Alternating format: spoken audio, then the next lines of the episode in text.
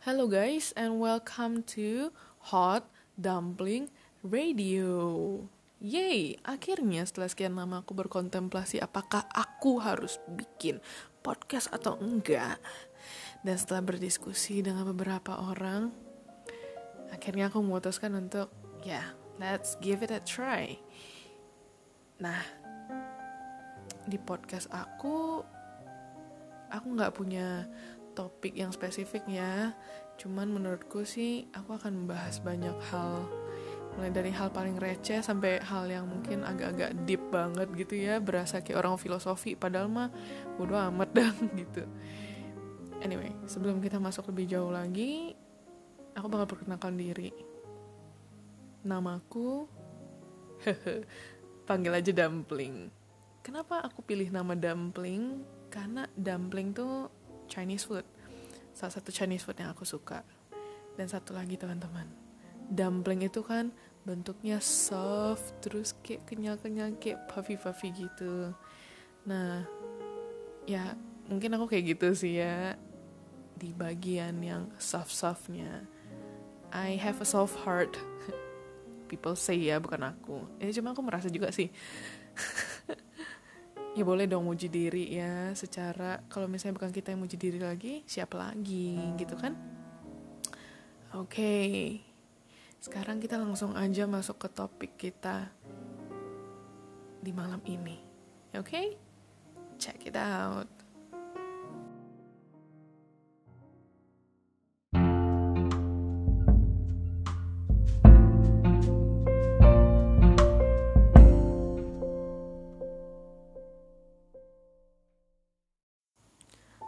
Oke, jadi malam ini aku akan bawain topik yang sangat related buat aku, buat diriku, buat kehidupan pribadiku, dan juga mungkin akan related untuk beberapa orang yang dengerin podcast ini dan juga mungkin untuk orang-orang yang pengen tahu tentang hal ini, ya mungkin ini bisa jadi bahan sharing kita bersama di sini aku nggak bermaksud buat ngajarin siapa pun, aku nggak bermaksud bu buat mengguruin siapa pun karena aku juga bukan ahlinya di dalam bidang ini.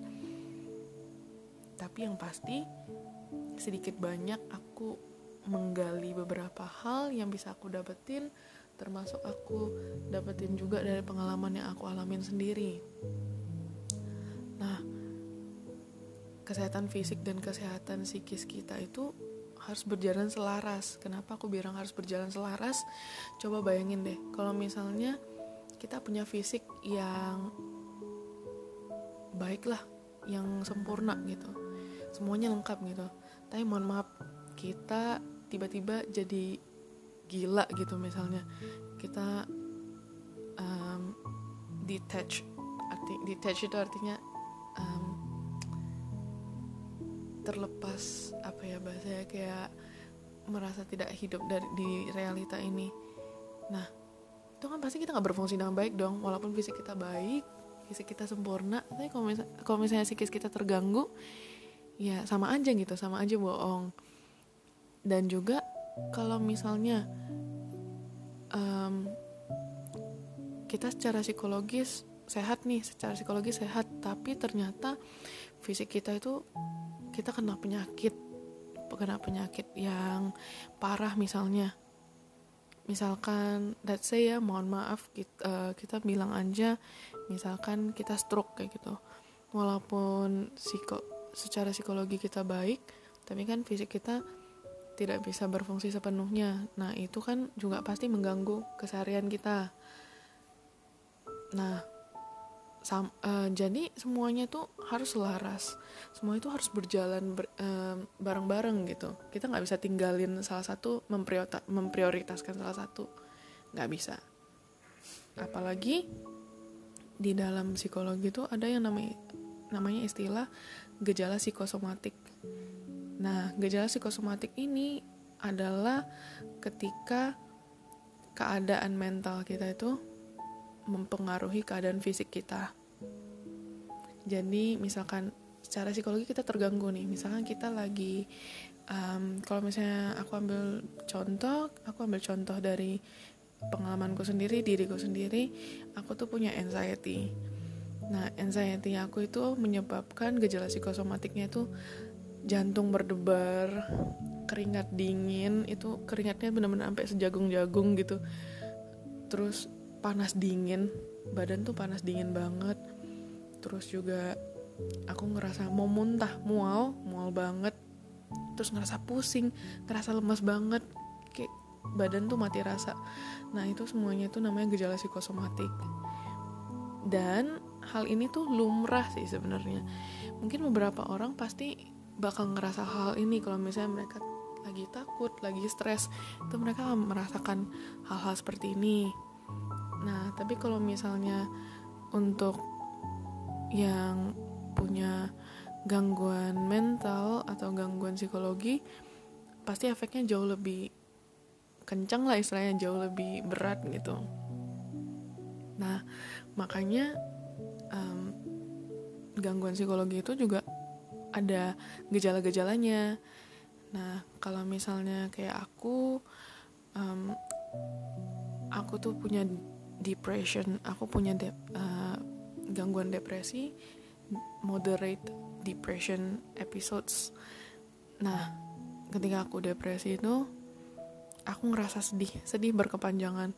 Teman-teman, tolong bedain, bedain kesedihan yang teman-teman rasain kalau misalnya uh, sedih yang sedih biasa sama sedihnya orang depresi kalau misalnya kita sedih biasa kita sedih doang nih.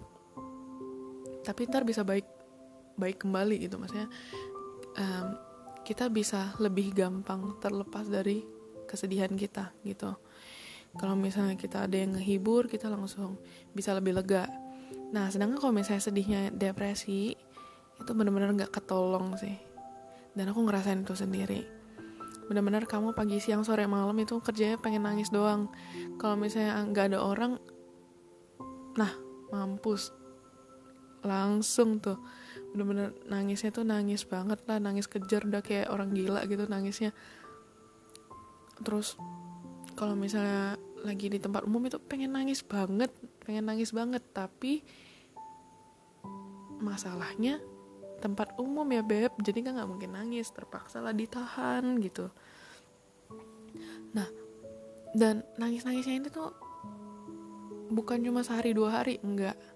Aku tuh ngalamin nangis terus itu sebulan I guess. Seingatku sebulan. Dan itu nggak enak nangis bak nangis sedih nangis sedih nangis sedih. Kadang awal-awal tuh masih ngerasa sedihnya kayak masih oh iya gue sedih gara-gara ini. Tapi lama-lama tuh kayak aduh gue sedih. Nggak tahu harus gimana kayak gitu. Nah terus tuh aku juga ngerasa ini ya ngalamin yang namanya mati rasa. Feeling numb ke mati rasa kayak mati rasa ini ya lebih ke kalau misalnya orang tuh bisa bedain antara senang sedih kecewa gitu misalnya. Kalau misalnya aku kalau misalnya dihadapin sama kasus misalnya dihadapin sama singa lapar ya pasti takut gitu ya. Cuma maksudnya untuk kehidupan sehari-hari misalnya sama teman gitu di kampus di tempat kerja gitu.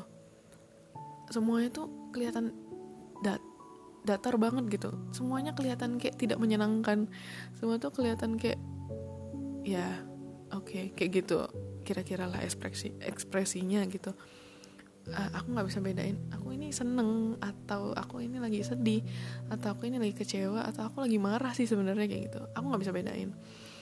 Uh, aku cuma bilang sama temanku kayak gue ngerasa nampak banget dan gue nggak tahu gue ngerasain apa. Gue bingung untuk uh, membagi-bagi perasaan gue gitu. Misalkan kayak apakah gue sedih seneng? Gue nggak tahu lagi yang mana yang benar kayak gitu. Kayak semuanya campur aduk gitu. Terus juga um, gejala psikosomatik pasti ya. Kayak kalau misalnya pas ke trigger ya pasti dateng. Terus sama aku juga jadinya insomnia gitu. Teman-teman kalau misalnya kita punya gangguan psikologis dan teman-teman ngerasa gejala-gejalanya itu mengganggu keseharian teman-teman, mengganggu aktivitas teman-teman, mengganggu uh, hubungan kamu dengan orang lain, mengganggu relasi kamu, cara berrelasi kamu, mengganggu pola pikir kamu, mengganggu persepsi kamu. Please, please seek for professional help. Jangan pernah self diagnose, jangan pernah mendiagnosa diri sendiri. Kalau misalnya kamu ngerasa udah mulai ngeganggu, please tolong datengin ahlinya karena kamu nggak bisa mendiagnosa diri kamu sendiri. Mungkin kamu ngerasanya ini, tapi ternyata jauh di dalam ada banyak hal-hal, ada banyak trauma-trauma, mungkin ada banyak akar-akarnya yang masih belum terselesaikan, dan mungkin itu akan uh, membawa kamu kepada revelation, um, kesadaran bahwa mungkin yang kamu alami itu beda dengan apa yang kamu pikirkan selama ini. Mungkin kamu uh, contoh lah mungkin kamu uh, lihat gejala-gejala depresi kamu ngerasa oh gue depresi gitu. Padahal sebenarnya enggak gitu. Atau mungkin kamu ngerasa kamu depresi ternyata kamu lebih dari itu amit-amit jangan ya gitu. Jadi makanya please go to professional help bagaimanapun stigma orang orang bilang kita gila kayak orang bilang kita nggak kerjaan. Tapi yang pasti kita tahu bahwa ini untuk kesehatan diri kita sendiri. Teman-teman perlu tahu bahwa psikologi kita juga butuh perhatian nggak cuma fisik kita doang. Teman-teman bisa beli skincare teman-teman bisa habisin duit banget lah di skincare ke di gadget ke di perawatan rambut ke. Tapi teman-teman nggak perhatiin kesehatan mental teman-teman. Menurutku itu omong kosong sebenarnya. Karena kamu nggak bisa dapetin kesem kesembuhan tanda kutip kamu tidak kamu tidak bisa mendapatkan kesembuhan psikologis kamu itu dari barang-barang dari skincare gitu dari kamu merawat fisik kamu gitu. Kalau misalnya mental kamu emang udah ngerasa sakit ya kamu butuh pertolongan kamu butuh obat. Sama kayak kita batuk kalau misalnya kita batuk nggak sembuh sembuh kita butuh obat kan pasti. Sedangkan kita kalau misalnya batuk sehari dua hari aja langsung panik minum obat ya kan? Apalagi kesehatan psikologis kita. Kita nggak akan selalu sadar kapan kita mulai terganggu kapan kita ngerasa ada yang janggal. Tapi yang pasti teman-teman please take care of yourself. Take care of your psychological state. Please. Oke okay? nah jadi um, itu gangguan psikosomatik. Terus um, banyak hal-hal yang mungkin menurut orang sepele tapi gila. Itu bagi kita uh, bagi penderita um, bagi survivor mental health issue itu sesuatu yang sangat big deal. Misalkan hanya untuk ke toilet aja atau hanya untuk bangun dari tempat tidur aja itu itu butuh encourage yang besar. Dan itu bukan karena mereka males. Itu benar-benar karena mereka ngerasa hidup ini gak ada gunanya lagi ya udah gue hidup jadi robot doang gitu. Kadang tuh sedih banget sebenarnya. Ketika kita ngalamin itu dan orang nggak ngerti sama sekali dan orang malah ngejudge kita gitu. It sure feels painful. It gives pain a lot. Apalagi ketika kita udah mencoba untuk berubah. Kita udah mencoba untuk bisa bertahan kuat tapi orang lain nggak acknowledge orang lain tidak melihat itu orang lain tidak mengakui bahwa kita sudah berusaha. Sangat-sangat menyakitkan. Nah biasanya kalau misalnya uh,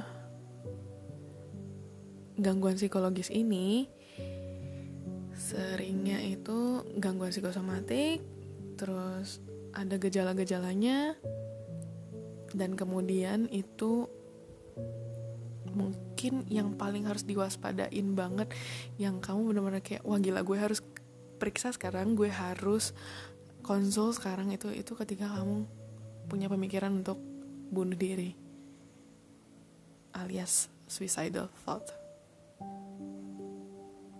dan aku sampai di state itu aku ngerasain itu.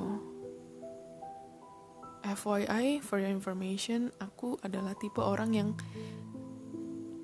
um, merasa bahwa orang yang bunuh diri itu adalah orang yang bodoh dulu ya.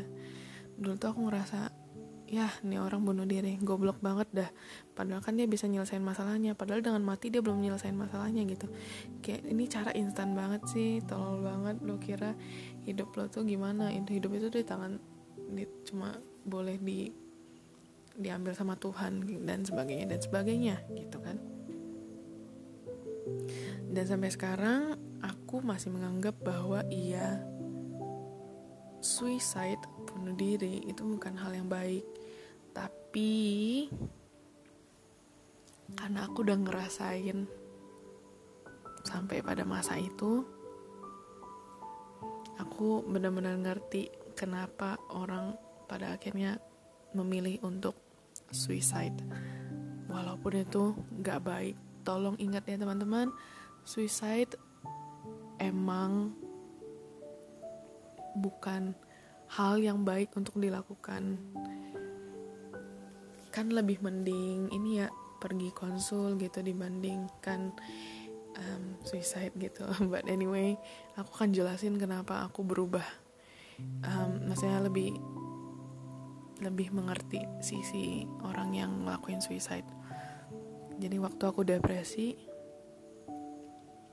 aku tuh ngerasa sakit banget. Secara psikosomatik kan. Dan otakku itu bener-bener pikiranku tuh kacau banget kacau balau kacau parah. Aku udah sampai kayak nggak ngerti. Semua otakku tuh bener-bener berjalan semaunya dia. Aku nggak bisa kontrol diriku sendiri. Aku nggak bisa kontrol aku mau mikir apa. Pokoknya aku kepikirannya itu itu terus itu itu terus dan itu itu terus semuanya negatif. Dan akhirnya aku mikir wah gila ini sakit banget. Sakit banget. Gue nggak bisa tahan menahan semua rasa sakit ini ditambah lagi self blaming banget karena aku selalu nyalahin diri sendiri atas segala sesuatu yang terjadi. Kalau misalnya ada sesuatu yang gone wrong ada sesuatu yang salah gitu aku selalu nyalain diri. Itu tuh benar-benar penyiksaan terbesar sih menurut aku. Sepanjang hidup aku penyiksaan terbesar yang aku rasain itu yaitu ketika aku harus dealing dengan pemikiranku dan dealing dengan uh, mental health issueku. Itu benar-benar nyapekin banget benar-benar tenaga kamu dikuras abis-abisan. Tanpa mandang waktu. Pagi siang sore malam kamu dibabat habis kamu dihajar habis-habisan sama pemikiran kamu. Sama rasa capek kamu sama rasa sakit yang kamu rasain. Benar-benar hidup ini nggak nyaman banget. Kamu benar-benar sampai kepikiran nggak ada jalan lain. Benar-benar nggak ada jalan lain. Gue harus berhenti. Gue harus akhirin ini semua. Ketika kamu udah di masa kayak gitu kamu gak akan berpikir suicide itu nggak baik suicide itu kayak gini kayak gitu. Nggak bisa. Apalagi ketika otak kamu tidak bisa berpikir rasional. Benar-benar gila banget benar-benar nggak bisa kontrol diri kamu sendiri. Bahkan hanya untuk bilang ke diri kamu sendiri A aja gitu misalnya. Kamu mau bilang A gitu nggak bisa. Apalagi kamu mau bilang diam kamu aku nggak mau kamu mikir kayak gitu. Nggak akan bisa lah kamu kamu ngomong kayak gitu kepikiran kamu di, ketika kamu lagi kacau gitu. Itu benar-benar di masa itu aku suicidal thought ditambah aku tuh ngerasa otakku uh, ngerasa kepala aku tuh penuh banget. Jadi aku ngerasa kayak pengen banting kepala aku banget. Aku inget banget berkali-kali aku ngomong ke temanku gue pengen banting kepala gue sampai hancur benar-benar hancur banget sampai otaknya keluar deh kalau bisa. Benar-benar separah itu kayak penuh penuh banget kayak ada beban gitu loh. Di kepala kamu itu ada beban berat banget dan tidak kelihatan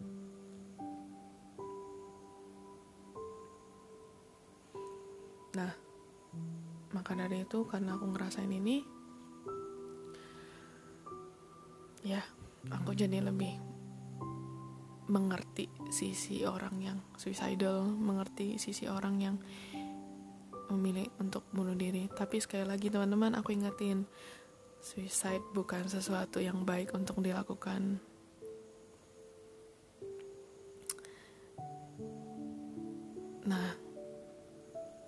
sekarang menurut teman-teman kira-kira apakah yang teman-teman rasain itu udah mengganggu hidup teman-teman atau belum? Dan juga kira-kira ada cara-cara nggak untuk menyelesaikan masalah ini semua. Ada sih pastinya. Kita bisa milih jalan apa pun untuk nyelesain um, mental health issue kita. Tapi yang pasti kita nggak bisa bilang bahwa ya udah lu dekat aja sama Tuhan. Lu baca kitab suci banyak-banyak. Lu berdoa lu meditasi dan segala macam mungkin untuk beberapa orang efektif ya tapi untuk orang-orang dengan um, gangguan mental yang klinis apalagi yang butuh obat itu biasanya ya gak mempan. Karena kayak aku pengalamanku aku sebelum ke psikiater aku ke psikolog dulu. Ke psikolog artinya kita diajak ngobrol diajak ngobrol terus uh, pola pikirnya kayak disusun kembali ditata kembali tapi akhirnya aku balik lagi gitu. Aku balik lagi aku jatuh lagi ke lubang yang sama gitu kan. Sampai akhirnya ketika aku ke psikiater baru aku membaik.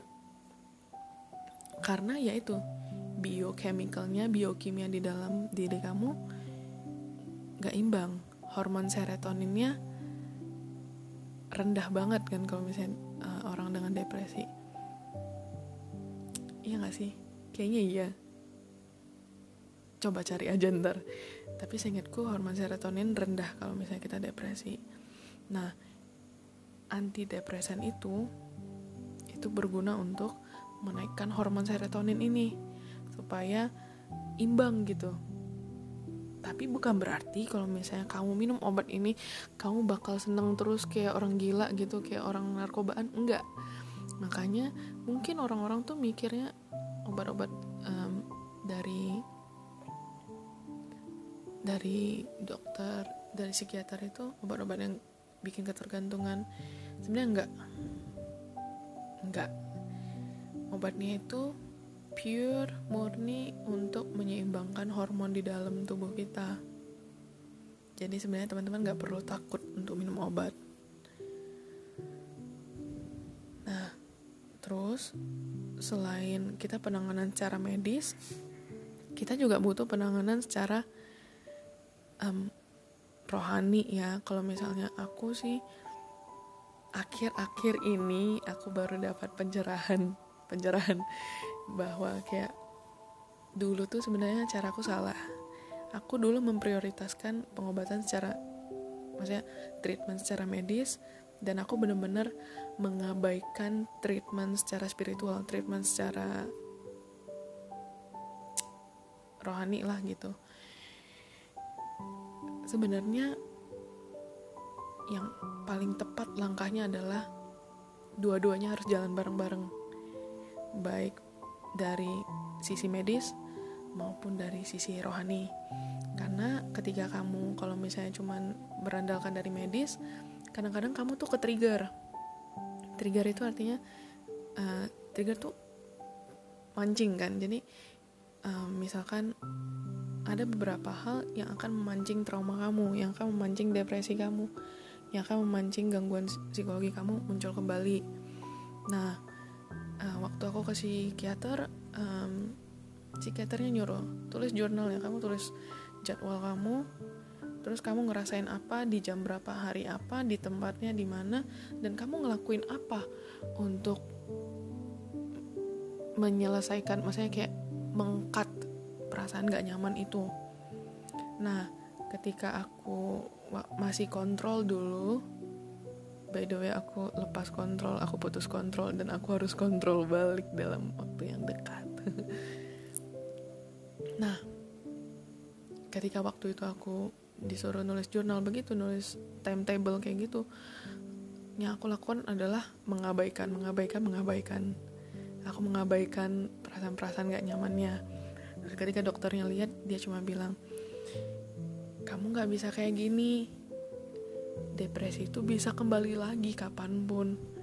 Maka dari itu harus kamu yang nyari cara untuk mengalihkan tanda kutip mengalihkan perasaan gak nyaman itu nah menurutku di sinilah peran um, uh, apa ya bahasanya peran pendalaman spiritual kayak peran spiritual dalam uh, perkembangan kesehatan psikologi kita. Jadi itu aku ngerasa dua-duanya harus berjalan seimbang. Dan aku mengakui bahwa kesalahan terbesarku ketika aku kontrol sama psikiater adalah aku tidak menggali dengan baik hal-hal apa yang bisa aku jadikan pegangan lah istilahnya ketika aku down lagi dan akhir-akhir ini aku down banget down parah apalagi sejak karantina ya kita tahu covid kan sejak kita stay at home doang uh, itu sebenarnya udah diwanti-wanti sama para pakar psikologi bahwa kalau misalnya kalian ke trigger harus cari cara gitu kan. Nah lucunya ketika aku baca um, warning warning itu aku mikirnya anggal ah, lah gue nggak mungkin ke trigger lah. Gue udah uh, udah baik gitu loh udah membaik. Gak pernah ke trigger lagi gitu selama setahun cong gitu kan. Ternyata salah besar aku ke trigger banget di masa ini. Aku juga nggak tahu kenapa tapi mungkin faktor nya banyak ya karena kita nggak ketemu orang mungkin kita kegiatan itu itu doang. Jadi lebih gampang memacu overthinking bisa memacu banyak hal negatif terjadi di dalam pemikiran kita. Nah makanya aku bilang baru-baru ini aku karena ke trigger parah jadi aku memutuskan untuk oke okay, we need to start it over. Aku harus reset ulang segala sesuatunya. Dan sekarang kebetulan aku lagi nggak bisa kontrol ke dokter karena dokternya non jauh di sana dan aku non jauh di sini gitu jadi untuk sementara aku combat uh, the negative thoughts. Aku combat semua hal-hal yang negatif itu dengan dari sisi spiritual. Misalkan um, let's say baca buku baca buku-buku spiritual buku-buku tentang eh, self improvement gitu. Uh, bukan self improvement sih. Buku-buku yang bisa intinya bisa mengajarkan kita sesuatu tentang kehidupan spiritual kita kayak gitu. Dan juga satu lagi teman-teman. Ini mungkin sensitif ya. Jadi aku agak hati-hati juga ngomongnya. Tapi yang pasti kalau misalnya orang-orang bilang lo kalau misalnya depresi mah ya udah temuin pastor misalnya atau temuin ustadz atau di rukiah gitu misalkan. Um, baca kitab suci baca Quran gitu. Sering ke gereja sering ke masjid berdoa banyak beribadah banyak. Bener bener banget. Itu perlu perlu banget. Itu itu itu kan yang istilahnya memagari kita secara spiritual. Itu membantu kita secara spiritual. Kita kembali kepada Tuhan atau teman-teman yang percaya mungkin percaya sama universe kekuatan universe atau apa pun lah itu. Kita percaya dengan kekuatan yang di atas pasti gitu. Tapi itu tidak akan menghindarkan kita dari gangguan psikologi ini karena ini kan kesehatan ya maksudnya kayak misalkan kita sakit demam gitu demam berdarah misalnya. Kita sakit demam berdarah terus apakah kita dibiarin sampai 10 hari gitu di rumah terus nggak ada di tangan sama sekali nggak minum obat sama sekali. Kita cuma tidur doa gitu doang kan nggak mungkin ya. Pasti kita ada usaha lah minum obat dulu kayak obat demam kayak apa. Kita pasti uh, melakukan usaha kecil dulu baru ke rumah sakit lah dirawat lah begitu kan. Nah sama. Kita kalau misalnya kesehatan psikologis ini juga kayak gini. Juga kayak gitu. Kayak kesehatan fisik aja gitu loh. Kalau misalnya sakitnya masih dikit kita pasti nyari cara untuk nyembuhin sendiri. Terus kalau misalnya udah agak mulai lebih serius dikit kita nyari pertolongan dari teman misalnya atau dari mana gitu. Terus kalau misalnya makin parah otomatis kita harus nyari yang professional help dong kita harus nyari tenaga profesional. Ya kan? Gak mungkin kamu biarin orang demam berdarah sampai trombositnya turun gitu. Gak mungkin banget. Sama kesehatan psikologi juga kayak gitu. Sama aja dengan kesehatan fisik. Nah jadi buat yang masih mikir bahwa kita bisa combat uh, depression kita bisa combat um, apa mental illness mental issue dengan berdoa. Benar aku nggak bilang salah karena itu juga sebuah um, unsur ya di dalam diri kita yang untuk mengisi kerohanian kita tapi balik lagi teman-teman harus ingat juga bahwa semuanya harus berjalan selaras baik dari sisi medis atau sisi psikol uh, apa sisi ya medis atau dari terapi gitu. Dan juga dari sisi rohani kita spiritual kita. Jadi teman-teman jangan pernah ngelupain salah satunya kalau misalnya ngelupain dua-duanya wah luar biasa pusing juga ya kan kalau misalnya salah satu diprioritasin banget untuk sekarang please teman-teman coba mulai untuk uh, memprioritaskan dua-duanya karena dua-duanya itu saling berkesinambungan, saling melengkapi ya. Dan juga kalau misalnya dua uh, yang udah jalan dua-duanya, that's very good. That's good for you. Nah, untuk saat ini pembahasan kita sampai sini dulu. Tapi sebelum aku tutup, aku mau ngasih tahu ke orang-orang yang mungkin perlu mendengarkan ini pada malam ini ketika dengerin podcast ini bahwa you are loved no matter how much you hate yourself how much you get disgusted at yourself how much you really, really hate your life,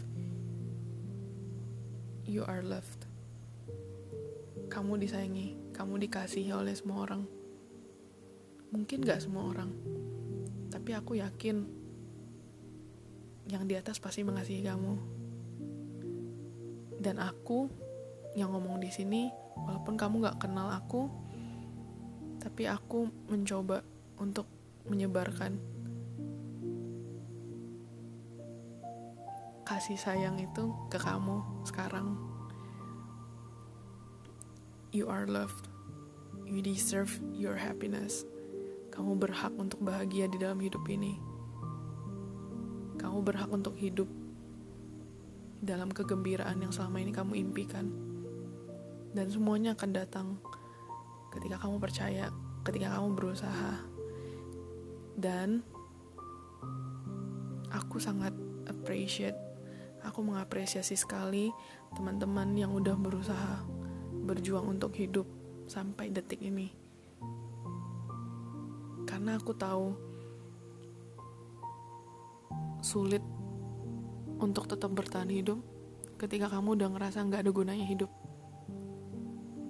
Dan ketika kamu memutuskan untuk hidup sampai sekarang itu adalah sebuah langkah yang sangat berani. Itu adalah sebuah langkah yang aku patut acungi jempol. Kamu misalnya kamu nggak bangga sama diri kamu sendiri aku di sini bangga sama kamu. Karena kamu mau bertahan hidup. Walaupun di tengah kesulitan ini.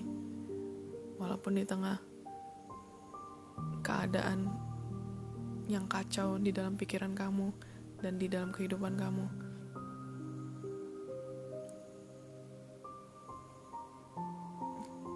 You are loved.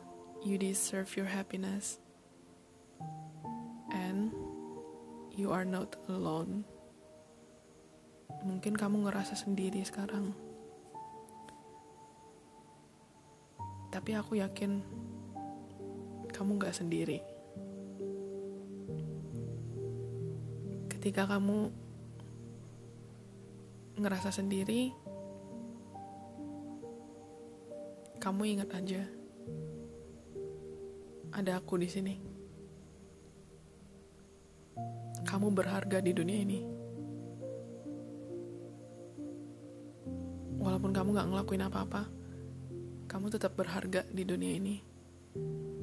Kamu tetap punya arti dalam hidup ini.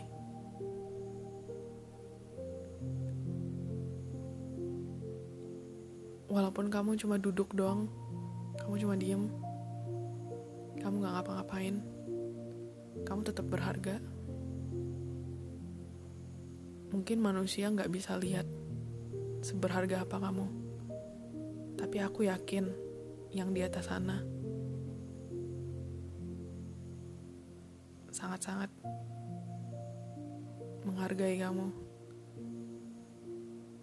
Dan aku di sini juga sangat-sangat menghargai keberadaan kamu yang sampai saat ini masih tetap kuat di sini.